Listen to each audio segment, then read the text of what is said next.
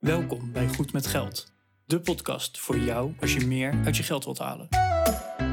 Je financiën op orde of eerder kunnen stoppen met werken? Schuif aan, want hier zijn we goed met geld.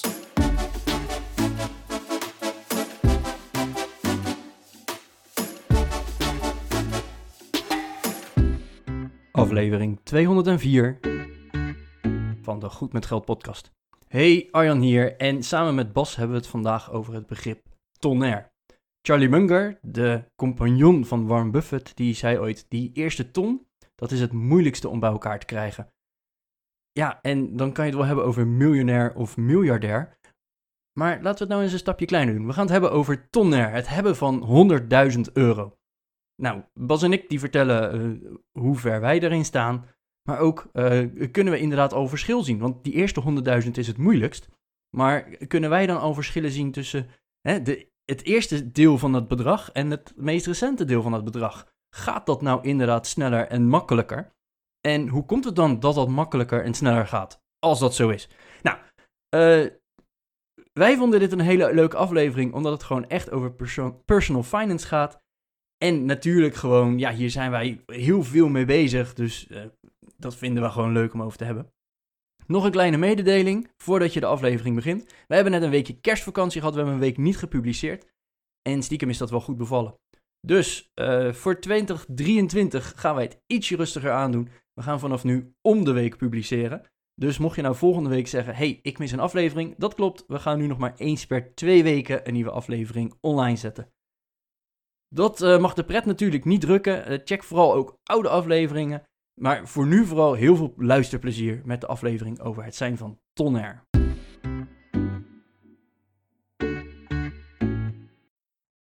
Goedemorgen Arjan. Hey, goedemorgen Bas. Laten we het eens hebben over het uh, nou, stukje compounding interest en dan uh, met name het begrip tonair. Ja, leuk. Ik heb er nu zin in, nu al. nu al, ik, ja. ja. ik heb hem opgeschreven, dus dan mag ben, ik er ben wel je al extra zin in hebben. Uh, ja, Nice. Jij ook? Uh, ja, ja, denk het wel. Ja, denk het wel. Ja, ja. Ja, nou, ik, ik kwam dit begrip uh, tegen, tonair, in, Mhm. een, uh, in een andere podcast. De Over Geld Praat Je Niet podcast van Aaf en Vincent. Wat bijzonder is, want ze praten daar juist wel over geld. Ja, eh, eh, klopt gewoon niet, hè? Ehm, maar goed, dat, ja, ik, ik vond het, ehm, het begrip dat kende ik nog niet. Miljonair kent iedereen, miljardair kent iedereen ook. Mhm. Eh, dat ben ik nog lang niet. Nee, ik heb ook nog eventjes gedaan. Voor, beiden, voor beiden overigens. ja, ja, dat... eh, eh, maar dat, ik, ik vond tonair, vond ik wel een mooie. Mhm. Dus dat gaat, hè, bij miljonair, dat gaat erom dat je een miljoen hebt. Bij eh, miljardair gaat het erom dat je een miljard hebt. Dus bij tonair gaat het erom dat je een ton hebt. Ja. Dus eh 100.000 euro. Ja, waarom zou je dat dan doen, hè? Tenminste, waarom zou je het doen? Waarom zou je het over tonair praten? Eh, en in de, eh, ja, in de voorbespreking van deze aflevering kwamen we erachter dat er eigenlijk twee, eh, twee best wel goede redenen zijn om over het begrip tonair te praten. De Ja. eerste is gewoon als je zegt van, joh, ik verdien niet zo heel veel. Ik kan niet zoveel sparen en ik verwacht dus ook gewoon niet miljonair te kunnen worden.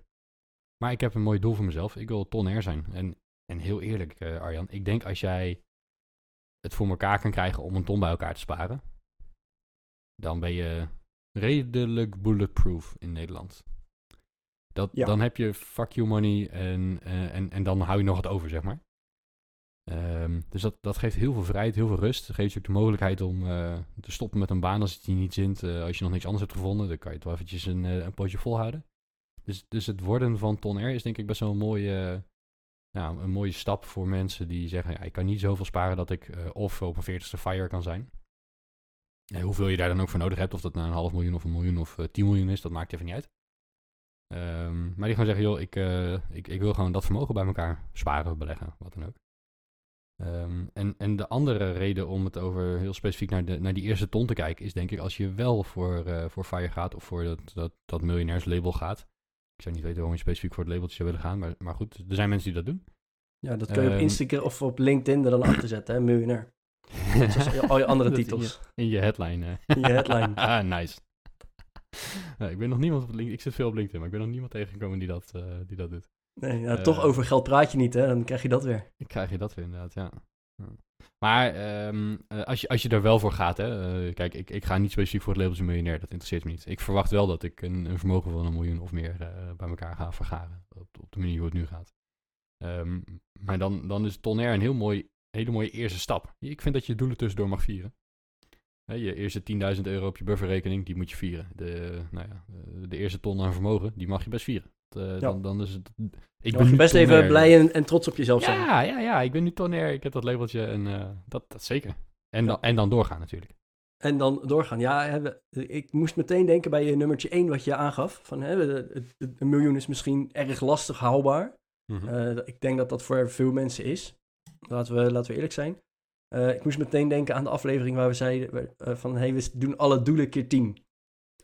Mm -hmm. Dat, uh, dat is een van jouw methodes, hè? Van ik, ik stel een doel en dat doe ik keer 10, want daar ga ik naar streven. Als ik dan maar op 5 kom, heb ik het altijd nog beter gedaan dan mijn initiële doel. Ja, ja als je mikt op 1, dan ga je nooit, dan ga je nooit 5 halen. Als je mikt op 10, dan is 5 wel heel haalbaar opeens. Ja, nou, dat, dat dus. dus daar moest ik meteen aan denken. Ehm, maar ik denk ehm, dat ik Tonnerre vooral een, een heel fascinerend iets vind vanwege de psychologie erachter.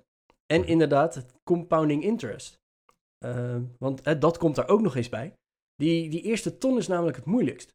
Hm. Uh, de, die, die uitspraak die komt onder andere ook van Charlie Munger, hè, de, de compagnon van Warren Buffett.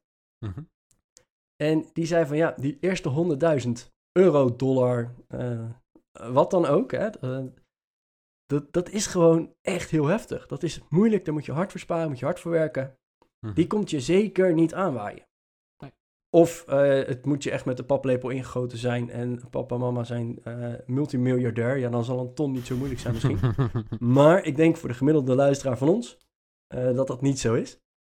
Nee. Um, en hij zei van ja, dat, daar moet je gewoon elke keer hè, 100, 200, 1000, elke keer geld voor apart zetten. Ja. Want, en dat, dat is de, de gedachte erachter, die eerste ton is het lastigst. En daarna wordt het makkelijker. Ja. En daarom vind ik die, die tweede optie die je aangaf, dat, dat tussenstapje, uh, daar, daar identificeer ik me meer mee. Want die eerste ton, daar moet je gewoon keihard voor sparen. Mm -hmm. En compounding interest, nou, uh, we nemen in de show notes van vandaag nemen we ook een website op. Daar zijn al deze berekeningen zijn ook helemaal uitgewerkt. Dus we gaan nu een aantal berekeningen ook weer uh, even erbij halen. Om je een idee te geven van, hey, hoe, hoe heftig is die compounding interest nou? Um, en waarom is die eerste ton nou zo moeilijk? Dus uh, ik denk dat we daar gewoon maar even mee moeten beginnen. Um, laten we een bedrag van 10.000 euro per jaar nemen. Mm -hmm. 10.000 euro per jaar heb je na 10 jaar heb je 100.000 euro bij elkaar gespaard. Ja, dus dat kost mm -hmm. je 10 jaar.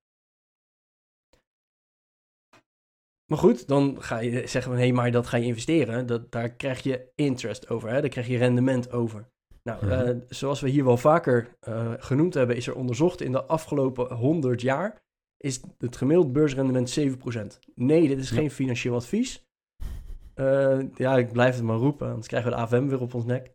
Um, maar gemiddeld genomen 7% per jaar. Dus die gebruiken we even als rekenrente. Rekenrendement. En als je dan gaat kijken, als jij naar die ton wil, dan heb je acht jaar nodig. Dus mhm. dat is acht jaar lang 10.000 euro per jaar inleggen. En met die 7% rendement, elk jaar weer, heb je uiteindelijk een totaal van 100.000 euro. Nou, als je dan inderdaad naar dat, dat grafiekje gaat kijken, dan is dus 75% van die ton heb je zelf in moeten leggen. En 25% daarvan is rendement. Over gemiddelde genomen, nogmaals.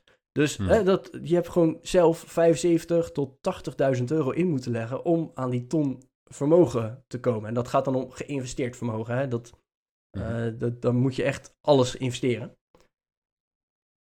Maar laten we nou eens doortrekken naar de 10 jaar. Hè, want dan heb je dus inderdaad die ton, heb je gewoon zelf helemaal ingelegd. Nou, ik weet niet of jij het, uh, de webpagina voor je hebt, Bas. Ik hoop het uh, niet. Nee, dat heb ik zeker niet. Nee, oké. Okay, hoeveel denk je dan dat je na 10 jaar hebt? Dus hè, de, je legt 10 jaar lang elk jaar 10.000 euro in. Dus hè, dan kom je uit op 100.000 euro dan heb je 100.000 ingelegd. euro ingelegd. Ja. Hoe, hoeveel denk je dan dat het vermogen is als je 7% per jaar krijgt? Eh, eh, compounding interest calculaties in je hoofd zijn heel erg moeilijk. Omdat je Ja. met, eh, met machten aan het werk bent. Ook niet mijn sterkste punt. Ik heb een tabelletje voor me, dus daarom, wat, wat gok je? Ehm, mijn gok zou zijn dat je... even denken hoor. Een verdub- 7% heb je een verdubbeling van je vermogen in, ehm, in 10 jaar. Dus die eerste 10k die wordt verdubbeld, de rest niet. Dus je gaat niet, op, je gaat niet helemaal op 2 ton uitkomen. Ik denk op anderhalve ton of zo. Ja, nou, ik, eh, ik, eh, goed gedaan. Anderhalve ton. Ja? Ja, anderhalve Ja, ton. dit, precies. Dus ik, ik kan dus niet uit mijn hoofd rekenen met compounding interest, maar dit, is, dit was een gok. Ja, Eh, nou, goed even voor, de, even voor de even voor Wanneer de gaan wij naar. Holland Casino? Nou, ja, even voor de luisteraar, wat ik hier heb gedaan in mijn hoofd is, ehm, je, je hebt de, ehm, ik, ik weet niet eens, hoe, hoe heet dat principe nou? De, de, de rule of 72 in het Engels. De regel van 72. Ehm, als je wil weten wat ongeveer de verdubbelingssnelheid van een vermogen is als je eh, compounding interest krijgt, dan neem je 72 en daar, eh, dan deel je 72 door het eh, rendement dat je verwacht. In dit geval 7%. Nou, dan kom je ongeveer op 10 uit. Ja. Wat betekent dat als jij een, een bepaald bedrag hebt waar je 7% rendement op krijgt, dat dat na ongeveer 10 jaar verdubbeld is. Als je 10k ergens in hebt zitten, je hebt 7% rente, elk jaar rente op rente, dan heb je na 10 jaar 20.000 euro. Ja. Het is niet helemaal exact zo. Hè? De, de compound werkt niet zo dat je 72 gedeeld door 7 kan doen, eh, 10, nou, nog iets. Eh, dat dat dan exact dat tijdstip gaat zijn, dat niet. Maar voor, eh, voor rendementen tussen de, tussen de 3 of 4 en de, de 12 of 13, zeg maar, werkt die redelijk nauwkeurig. Dus wat ik heb gedaan is, oké, het is een periode van 10 jaar. Het eerste jaar heb je 10k, die verdubbelt. Het laatste jaar verdubbelt bijna niet, want dan krijg je heel weinig rendement op. Dat is, dat is die compounding interest natuurlijk. Eh, dus, dus ik denk, ik ga ergens halverwege zitten en kom je op anderhalf Ja, ton. nou, heel Dat goed. is even mijn, mijn- ja. Nou, ik wil dus even, even terug, hè. Ehm, eh, na acht jaar hadden we die ton. Dus na acht jaar had je 80.000 euro ingelegd en had je ongeveer 100.000 euro. Ja. Twee jaar later heb je dus 100.000 euro ingelegd, dus dat is 20.000 euro meer. En heb je 150.000 euro. Mhm. Ik, ik wil dat gewoon graag even extra benoemen. Hè? Dus eh, in die laatste twee jaar heb jij 20.000 euro extra rendement gemaakt. Zo. Ja, dat, dat, dat- laat dat even op je inwerken, of bijna 20.000. Maar toch, dat, die laatste twee jaar is dus dat jouw inleg bijna verdubbeld wordt door het rendement. Mhm. En ja, dat heb je dus het eerste jaar niet. Gewoon niet. Nou, eh, als je dat wat langer doortrekt, eh, laten we zeggen 40 jaar. Hè? Eh, de, de gemiddelde millennial is nu een, eh, een jaar of 30, geloof ik. Misschien iets ouder. Dus nou, hè, tot je pensioen, laten we 70 even nemen. Gewoon makkelijk, dat is nog 40 jaar. Mhm. Als jij nu 40 jaar lang 10.000 euro per jaar inlegt, dan heb je dus 400.000 euro ingelegd. Ja. Hè, zo simpel is het. Maar de waarde is meer dan 2 miljoen. Mhm. Dus dat is gewoon keer 5. Ja, en wat het na 10 jaar was het eh, de helft extra, was het, is het nu gewoon 5 keer zoveel. Ja, bizar. Nou, en dat is dus eh, het, het wonderlijke van die compound interest. Ja. Ja, dat, en, en dat vond ik dus, die, dat tonairschap. Mhm. eh, de eerste ton is het lastigst. Dus daar doe je om en nabij die acht jaar over. Ja. Dus ehm, ja, dat, dat vond ik gewoon heel wonderlijk. Die, die, oh, dat eerste jaar, ja, als je 10.000 euro inlegt, dan krijg je dus 700 euro rendement Mhm. als je dat tien jaar lang doet, eh, dan krijg je dus over die eerste 10.000 euro krijg je veel meer rendement ondertussen. Want dat is rente op rente op rente. Ja. Eh, dus na 10 jaar heb je 9600 euro rendement. Als Ja. je dat eh, nog langer doortrekt, eh, dan zit je bij 17 jaar zit je al op 21.000 euro rendement per jaar. Eh, dus dat is gegeven slechts Op een gegeven moment kan je er niet meer tegenaan sparen. slechts zeven jaar later heb je 20.000 euro rendement per jaar. Als Ja. je dan naar het volgende stapje gaat, 30.000 euro, dat is bij jaar 21 al. Elk jaar 10.000 euro inleg heb je na 21 jaar, heb je dus al 31.000 euro rendement per jaar. Nou, als je dan naar 40, dat is nog drie jaar later. Eh, Mhm. 50 is nog drie jaar later. Dus elke drie jaar komt er op een gegeven moment gewoon 10.000 euro extra rendement bij. Als je rekent met die gemiddeld 7%.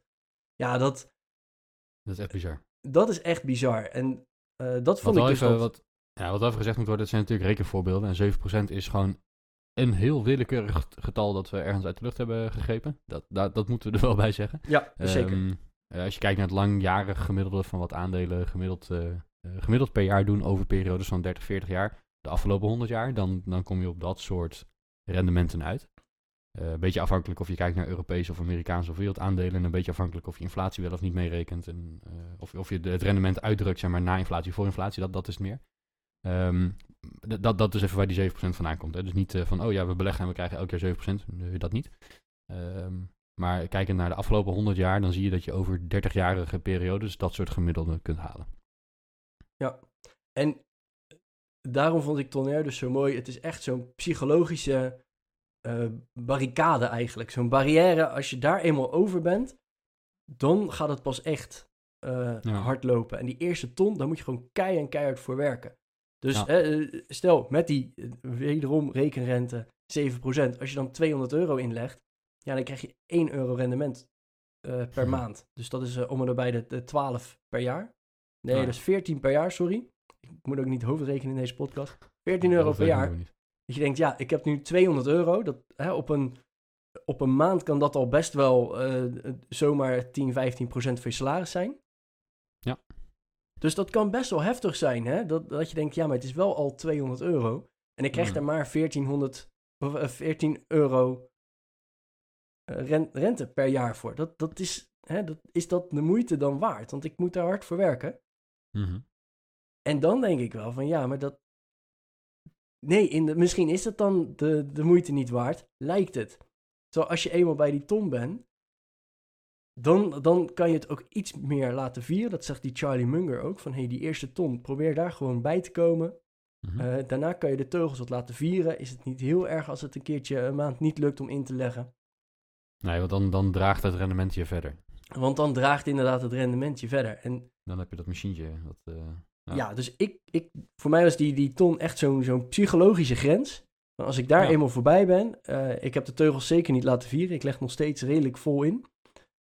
nice. Maar ik merk inderdaad wel dat, dat het rendement eh, ja, gewoon meer gaat zijn naarmate dat bedrag ook steeds hoger wordt. Waardoor Mhm. het, ja, het, het gevoelsmatig ook makkelijker is. Nice. Ja, dat, dat, dat merk ik ook wel. Alleen ik moet zeggen dat ehm, toen, ik, toen ik net begon met Fire, toen, eh, toen, toen ging het dat hele klinische staatje misschien wel op, hè, wat we nu behandelen. Hè. Dat, dat blog, die blog eh, die je voor je hebt, Ja. is natuurlijk een hele, het is een beetje een, een, een soort laboratoriumtest. Om te kijken van wat gebeurt er nou als je dit inlegt over een bepaalde periode met een bepaald rendement. Dat is echt, echt zo'n labtest die je in Excel kunt uitvoeren. Ja. Heel, heel klinisch. Totaal niet de werkelijkheid. Eh, ik zit ook naar het grafiekje te kijken wat jij hebt gedeeld nou, in, intern in de podcastvoorbereiding met mij. Met jouw eigen vermogensontwikkeling. Eh, daar zie je een vergelijkbare eh, curve ontstaan. Maar die is lang niet zo, zo glad en zo klinisch als die in, eh, in Excel zoals je met 7% eh, rekent. Nee, zeker Ja, niet. wa- waarom niet? Ja, je rendementen veranderen. Je neemt een keer wat geld op. Je legt een keer wat meer in. Je stopt een keer een maand met inleggen. Je krijgt een keer een cashbonus, waardoor je in één keer veel meer inlegt, maar het rendement is weer minder, waardoor je, nou weet je, dus zo'n zo'n lijn wordt veel meer een soort zigzaglijn. Zeker als je naar kortere periodes kijkt, dan lijkt het een hele vlakke zigzag te zijn. Eh, als je dan uit gaat zoomen, dan, dan benader je op een gegeven moment alweer die, eh, die parabolische lijn, eh, die, die je in de, in de Excel-staatje en de blogs vaak ziet. Ja.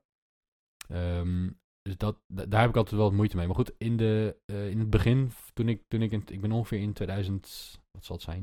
Ik ben al best wel een poosje aan het beleggen, maar ik denk dat ik sinds 2016, 2015, 2016 echt serieus bezig ben met, met vermogensopbouw. En, het ook, en het ook bijhouden. En ehm, nee, dat was het punt dat ik even wat meer ging verdienen en eh, op een gegeven moment ook een huis kocht enzovoorts. Ja. Toen ben ik het veel serieuzer gaan, eh, gaan bijhouden en ermee bezig gaan. Ja, ik had toen naast mijn hypotheekaflossing een, eh, een beleggingsrekening waar ik elke maand geld op stortte en dat was het. Ja, dan is het natuurlijk heel mooi om gewoon naar het saldo van die beleggingsrekening te kijken en dan ga je dit soort staatjes zien.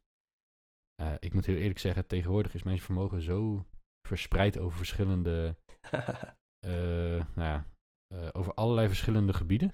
Zo kan ik het denk ik het beste omschrijven. ja. eh, dat het heel erg moeilijk is om, ehm, om dit te doen. Hey, maar laten we het dan Ehm. iets, iets kleiner maken. Eh, laten we het naar 50.000 euro halen.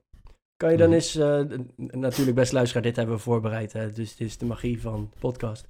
Maar Bas, kan je eens delen, hoe lang heb je gedaan over de eerste 50.000 euro? Dus hè, vanaf, wat zei je, februari 16? Ehm, Ja, ze met, tegen ja, de meest recente 50.000 euro. Eh, Ja. hoe, hoe lang heb je daarover gedaan? Ja, eh, ik heb inderdaad gekeken. Ik, eh, ik, ik kon in mijn, in mijn Excelletjes terugvinden tot de- het verste verleden waarin ik ooit eens wat heb opgeschreven was inderdaad februari 2016. Als, als in mijn totale vermogenspositie. Daarvoor had ik altijd wel iets met beleggingsrekeningen en, en rendement en dat soort dingen. Maar mijn mijn vermogenspositie vanaf februari 2016 eh, netjes maandelijks bijgehouden. Ehm, ik heb toen eh, eh, ik heb het, het vermogen dat ik op dat moment had genomen en eh, gekeken in welke maand heb ik dat vermogen wat ik, waarmee ik in februari 2016 begon. En hint, hint, dat is minder dan 10k. Dus dat was echt helemaal aan het begin toen, ik, toen ik net fulltime begon te werken, zeg maar. Ja. Ehm, vanaf februari 2016 heb ik er tot en met juli 2018 over gedaan om de eerste 50k vermogensgroei te realiseren. Dus dat is zeg maar Oh, dat is een, nog best wel snel. 2,5 jaar of zo. Ja. Ik moet, ik moet zeggen dat ehm, in de vastgoedmarkt van 2016 tot en met juli 2018 100% leverage hebben op je vastgoed, dat heeft, dat heeft aardig bijgedragen. Ah, jouw jouw eh, woning zat daarbij. Ja, zeker. En Ja, ook hier dus, het is eh, ook weer voor de luisteraar, hier geldt natuurlijk. Ja, je kunt dit gaan vergelijken met elkaar, met mij en met Arjan en met, eh, met je buurman. Ja, iedereen berekent het weer op een andere manier. Wat is nou je vermogen? Ja, geen idee. Ja. Eh, het zou zuiverder zijn als ik hier alleen mijn belegde vermogen zou pakken. Ehm, ja, die, die heb ik nu even niet voorhanden. Dus dat, dat weet ik gewoon niet. Eh, maar goed, in ieder geval iets van 2,5 jaar dus. Hè, over, sinds ik het eh, een beetje serieus bijhoud en, en, en er serieus mee omga. eh 2,5 jaar voor de eerste 50k. Als ik kijk naar de laatste 50k, dan heeft dat zo'n eh 8 tot 9 maanden geduurd. Dus Ja, zeg maar oké, 8 ja. maanden geleden was ik 50k armer dan nu. Dus er zit best wel een versnelling in. Ja. Ja, Ik denk zit- overigens wel dat dat met name komt. Ik denk dat er twee factoren in zitten. Eén is het stukje vastgoed. Eh, ik heb wat meer vastgoed exposure ook op dit moment. ehm, omdat, omdat ik twee panden heb. Ja. Ehm, en dan tel ik het plukje wat ik in, eh, in een vastgoedfonds heb zitten nog even niet mee. Want dat, dat herwaardeer ik niet. Die laat ik gewoon voor de aankoopwaarde op dit moment eh, staan. Totdat ze verhandeld kunnen gaan worden en echt een koers hebben. Maar dat, dat is niet zo. Ehm, het stukje vastgoed heeft daar echt wel in meegespeeld. Hè, want tot en met ja, nu beginnen de huisprijzen eindelijk wat te dalen. Ehm, maar tot en met nu hebben, hebben huisprijzen best echt goed wel, eh, wel goed. die zijn alleen maar sky high aan- gegaan. Laten Ja, we die hebben bijgedragen aan mijn vermogensontwikkeling. Eh, Ja. dat, dat is gewoon zo. En, ehm, en het feit dat ik meer ben gaan verdienen en dus meer kan inleggen, dat heeft ook behoorlijk bijgedragen aan, eh, aan, aan, die, aan die enorme versnelling in de, in de vermogensgroei. Ja. Zeg maar van, wat is het, ongeveer 30 maanden voor de eerste 50k naar iets van 8 maanden voor de, nou, voor de meest recente 50k. Ja, zo. Ja. Ja, het- als ik naar mijn uh, staatjes ga kijken, dan is het dan weer niet te vergelijken inderdaad. Want als ik ga kijken bij mij, ja, eh, bij mij zit mijn huis er niet bij. Eh, Mijn huis, daar woon ik in, dat, eh, dat zie ik eh, niet zodanig als investering. Hoewel de, de overwaarde is echt gigantisch hoor, daar niet van. Maar die neem ik niet mee in mijn, eh, in mijn berekening. Mhm. Ehm, ja, en ik, ik, de eerste 50k, ik heb hem een beetje eh, eh, twee keer. Eh, de eerste 50k is echt, wanneer heb ik de 50k grens bereikt? Toen was Ja. ik 25 jaar en 9 maanden. Eh, dus je hebt dus- 25 jaar 9 maanden over gedaan. Ja, dat, dat, dat is de eerste 50.000 euro. Nou, de, daar, een deel van heb ik gewerkt, een, deel, een groot deel niet. Kan ik je ook vertellen. Ja. Ja, dus dat, dat Ehm, telt niet helemaal. Dus laten we hem even vanaf mijn, mijn eerste salaris nemen. Dan heb ik er eh 63 maanden over gedaan. Dus vijf jaar en drie maanden. Oh, wauw. Ja. Ehm, en ik heb ook even teruggekeken. eh, daar was nog veel minder eh, dan de, de 25% bij de ton eh, aan, aan compound interest. Dus Oh ja. een heel klein deel daarvan was, was interest. En het meeste heb ik gewoon keihard bij elkaar gespaard. Mhm. Ehm, de meest recente 50k, eh, daar heb ik twee jaar en zeven maanden. Dus 31 maanden over gedaan. Dus dat is ongeveer de helft. Nice. Ehm, nou moet ik ook zeggen, de beurs is gigantisch gek gegaan. Dus Mhm. die, eh, die is flink omhoog, maar ook weer flink omlaag gegaan. Dus eh, hoe dat precies zit, durf ik eigenlijk niet eens te zeggen. Ehm, maar ik vond dit wel een interessante eh, ja, evaluatie. En, en ook dus hè, dat, dat Tonair, zelfs als je dat nu nog door tweeën knipt en gewoon eens Mhm. gaat vergelijken, dan, dan zie je daar wel al die, die compound interest in terugkomen. Ja. Nice. Nice. Hoe, eh, hoe, hoe zie je dat nu eh, richting, eh, richting de toekomst? Ik bedoel, ja, je hebt nog steeds gewoon een salaris. Ik neem aan dat het ook nog wat stijgt. Dat je, ja, dat je, dat je daar vanuit gewoon lekker kan blijven inleggen. Maar denk je dat de volgende 50k weer wat sneller zal gaan? Ehm, nou, dat denk ik eigenlijk wel. Ja. Ehm, of dat echt zo is, geen idee. De, de beurzen die hebben in het afgelopen jaar, ik geloof, een 10% ingeleverd. Dus ik hoop dat ze wel ergens die 10% ook eh, bij elkaar sprokkelen. Dan is die opeens weer heel snel. Ehm, ja, hoe zie ik de komende 50k? Ik weet het eigenlijk niet. En eh, ik moet ook zeggen, ik heb best wel veel ingelegd in de afgelopen periode Mhm. aan, aan investeringen. Ehm, wat jij eerder al zei, je salaris gaat ook omhoog. Ja. Ehm, dus hè, ik zou meer in kunnen leggen. Ik kan ook zeggen, hey, ik ga naar verhouding minder inleggen, maar ik blijf hetzelfde inleggen. Ja. Ehm, dat, eh, in, de, in de blog die wij dus eh, delen, ook in de show notes, staat daar ook in van... hey, stel nou je begint met een wat lager bedrag eh, en je gaat elk jaar 3% meer inleggen. Oh ja, ja. Hoe, hoe gaat het dan over de loop van de, van de jaren? Nou, Mhm. deze blog is in- compleet in het Engels en met dollarbedragen, maar hij maakt er een euro van en dan heb je ze in eurobedragen. het, Dat, het maakt niet uit, het gaat om het getalletje. het inderdaad. gaat om het getalletje. Dus dat. Dus nee, ik, ik denk wel dat de, de volgende 50k nog sneller zal gaan. Ehm, Mhm. Maar hoe of wat precies, geen idee. Eh, nou, zoals de luisteraar ook weet, ik ben bezig eh, met mijn vriendin een huis te kopen. Ja. Ja, eh, Ja, dat gaat ook, dan gaan de zaken veranderen. Dan gaan de zaken veranderen. huishouden elk geval. het, het zou zomaar kunnen zijn dat het minder wordt en dat ik er langer over doe. Omdat dat huis gewoon meer kost en, Ja. en dat daar geïnvesteerd in moet worden, dat soort gekkigheid. Ja, dan kan je toch minder sparen en dan... nou, Ja, dus en, en dan, dan staat dit bedrag er gewoon al vast. En dat rendeert gewoon lekker. Mhm. En eh, dan zien we dat dan wel weer. Weet je, dus het, het is ook niet per se een doel om weer 50k erbij of hè, de, de- twee keer tonair of wat dan ook te worden. Nee, dat, dat zien we dan wel weer. Eh, het is mooi dat dit psychologische doel in ieder geval gehaald is. Hm. Eh, en ja, dat, eh, verder zien we dat dan wel weer. Hoe zie jij dat? Ja, ik denk, eh, ik, ik, ik denk dat ik volgend jaar wat moet afwaarderen op mijn vastgoed. En dan, eh, dan gaat het best wel met hele grote stap ook weer omlaag. Ja, Eh, en doe er opeens denk 10 dat- jaar over om weer 50k bij elkaar te sprokkelen. dat hoop ik niet, want dat betekent dat ik een half miljoen op mijn vastgoed moet afwaarderen. En, eh, nee, kijk, ik, veel, voor de luisteraar, ik kan best wel veel sparen op het moment. Ik heb een goed inkomen. Wij, mijn mijn vriendin en ik, hebben samen zeker een goed inkomen. Ehm, ik denk dat het een, eh, nog een keer een jaar duurt. ja. Ik denk, eh, we zitten nu eh, dus in december 2022 dit, op te nemen. Ik denk in december 2023 dat er 50k bij zit. Want ik verwacht veel te kunnen sparen het komende jaar. De, de opdrachtenportefeuille is goed gevuld. De tarieven die, die gaan omhoog. Dus ik verwacht aan de inkomenskant nog geen problemen. Ik sorteer wel voor op wat, eh, wat issues eh, voor later in 2023 en daarna. Ik verwacht toch wel dat, dat ook wij wat last gaan krijgen van een eh, mogelijk aankomende recessie. Maar ehm, zeker voorlopig blijf ik gewoon volop inleggen, denk ik. En ik denk wel dat ik wat ga afwaarderen op vastgoed. Ja, dat betekent dus gewoon dat het netto vermogen, ja, je gaat 50k erbij stoppen, je trekt 50k van je vastgoed af en je, je hebt geen groei gehad. Ehm, dat, dat, dat soort zaken ga je dan krijgen. Hoeveel ik ga afwaarderen, weet ik niet. Ik denk dat ik gewoon naar wat gemiddelde verkoopprijzen ga kijken in de buurten waar mijn panden staan. En dan, eh, Ja. ja, weet je, je moet die pijn toch nemen. En het is uiteindelijk maar een getalletje in een Excel-bestand. Eh, kom op, eh, lekker boeiend. Ja, Wat ik denk, ik, Wat ik veel belangrijker vind is dat, dat we de goede dingen blijven doen, zodat dat getal kan blijven stijgen. En dat, de, dat dat verhuurde pand cashflow uitspuugt. En voor de rest, ja, dan is ja, de ik, waarde wat ik minder. vind het denk ik ook gewoon belangrijk voor, voor jou, beste luisteraar. Ehm, het is vooral een psychologische grens. Tonair, dat moet geen doel aan zich zijn. Het is een psychologische grens vanaf waar, waar je Ja, het is, compounding het is interest juist meer mee gaat tellen in je, in je vermogensgroei. Eh, het, het is mooi en heel tof als je het kan halen, maar zeker geen doel, eh, doel aan zich. Nee, het is een, eh, het, het is een gevolg van. En, zo, zo moet je het ook echt zien. Ja, en weet gewoon, hè, die allereerste 100 euro, die gaat niet zo heel veel opleveren binnen nu en een jaar, binnen nu en twee jaar.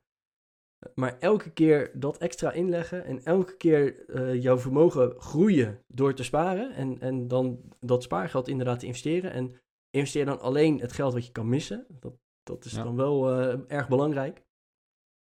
Maar daardoor gaat wel die sneeuwbal rollen. En we hebben het in aflevering 53, hebben we het al een keer over compounding interest gehad. Ja. Ehm, ja, en dat is voor heel veel mensen gewoon de manier om vermogen op te bouwen. Het rente-op-rente effect. Nee, je wordt er niet snel rijk van. Het, eh, het, het is geen fancy manier. Maar op de lange termijn is het wel een hele solid manier om eh, vermogen op te bouwen. Eh, kijk bijvoorbeeld ook maar eens naar je pensioen. Hè? Je begint Mm. niet voor niks al op je 25ste met pensioen opbouwen. Zodat je inderdaad over de lange termijn wel veel vermogen hebt. En je er Ja. maar een klein beetje per maand op in hebt hoeven leggen. En ik denk dat dat gewoon het, het belangrijkste is. En dat, dat tonair, hè, dat, dat begrip tonair, dat dat dus voor jou een, een stipje, een mijlpaal op de horizon kan zijn van hé, hey, daar werk je naartoe. eh, als je vermogen op wil bouwen. En ja, dat begint dus met kleine bedragen en kleine hoeveelheden rendement. Mhm. En hè, dat is, e- tonair is echt zo'n mijlpaal waar vanaf je, je compounding interest steeds meer mee gaat tellen. Ja, dat denk ik ook. En eh, ja, wat Arjen zegt, sta je er niet zo blind op vast. Eh, zie het echt als een, eh, als een, als een mijlpaal. Ik, als, als je in de auto zit, je gaat ergens heen, dan zeg je niet, oh yes, ik heb nu 50 kilometer gereden. Nee, dan zeg je, yes, ik ben op de plek waar ik wilde zijn. En zo, zo beschouw ik die vermogensstaatjes ook. Het is een gevolg van. En, en hopelijk merk jij het ook, hè, als je al wat langer bezig bent met het opbouwen van vermogen, met beleggen en aflossen, dat dat steeds sneller gaat. Hè? Wat we nu bespreken over het beleggen met, met een bepaald rendement, dat geldt voor aflossen natuurlijk net zo. Eh, stel dat je niet belegt, maar je bent eh, lekker op, je, op leningen op je hypotheek aan het aflossen. Dan zul je ook zien dat dat steeds sneller gaat. Hè? Want op het moment dat je meer gaat verdienen, of je blijft hetzelfde verdienen, maar je maandlasten dalen door je aflossingen, kun je steeds meer aflossen. Dus die sneeuwbal die werkt eh, aan beide kanten. En ik denk dat dat de belangrijkste takeaway is. Wil je nou nog zelf even zo'n staartje van compound interest berekenen? Check dan vooral ook even de app Compound Interest Calculator. Eh, daarin kan je gewoon heel eenvoudig invullen wat is je startbedrag, welk, eh, met welke rekenrente ga je werken, over welke periode en Ja. hoeveel leg je per periode in. En een periode kan dan een jaar zijn, een kwartaal, een, eh, maand of een week. Mhm. Ehm, heel mooi om op die manier ook eens je, ja, dat staatje voor jezelf. Hè? Als je zelf met een rekenrente van 6% werkt, nou, hoe komt jouw staatje er dan uit te zien? En hoe lang heb je nodig om een bepaald bedrag te bereiken? Ja. Dus eh, leuke app om zelf ook eens eh, naar te kijken. En eh, ja, ik, wij zijn er de volgende keer weer. Tot die tijd blijf vooral je app gebruiken en eh, geniet van onze andere afleveringen. Tot de volgende keer.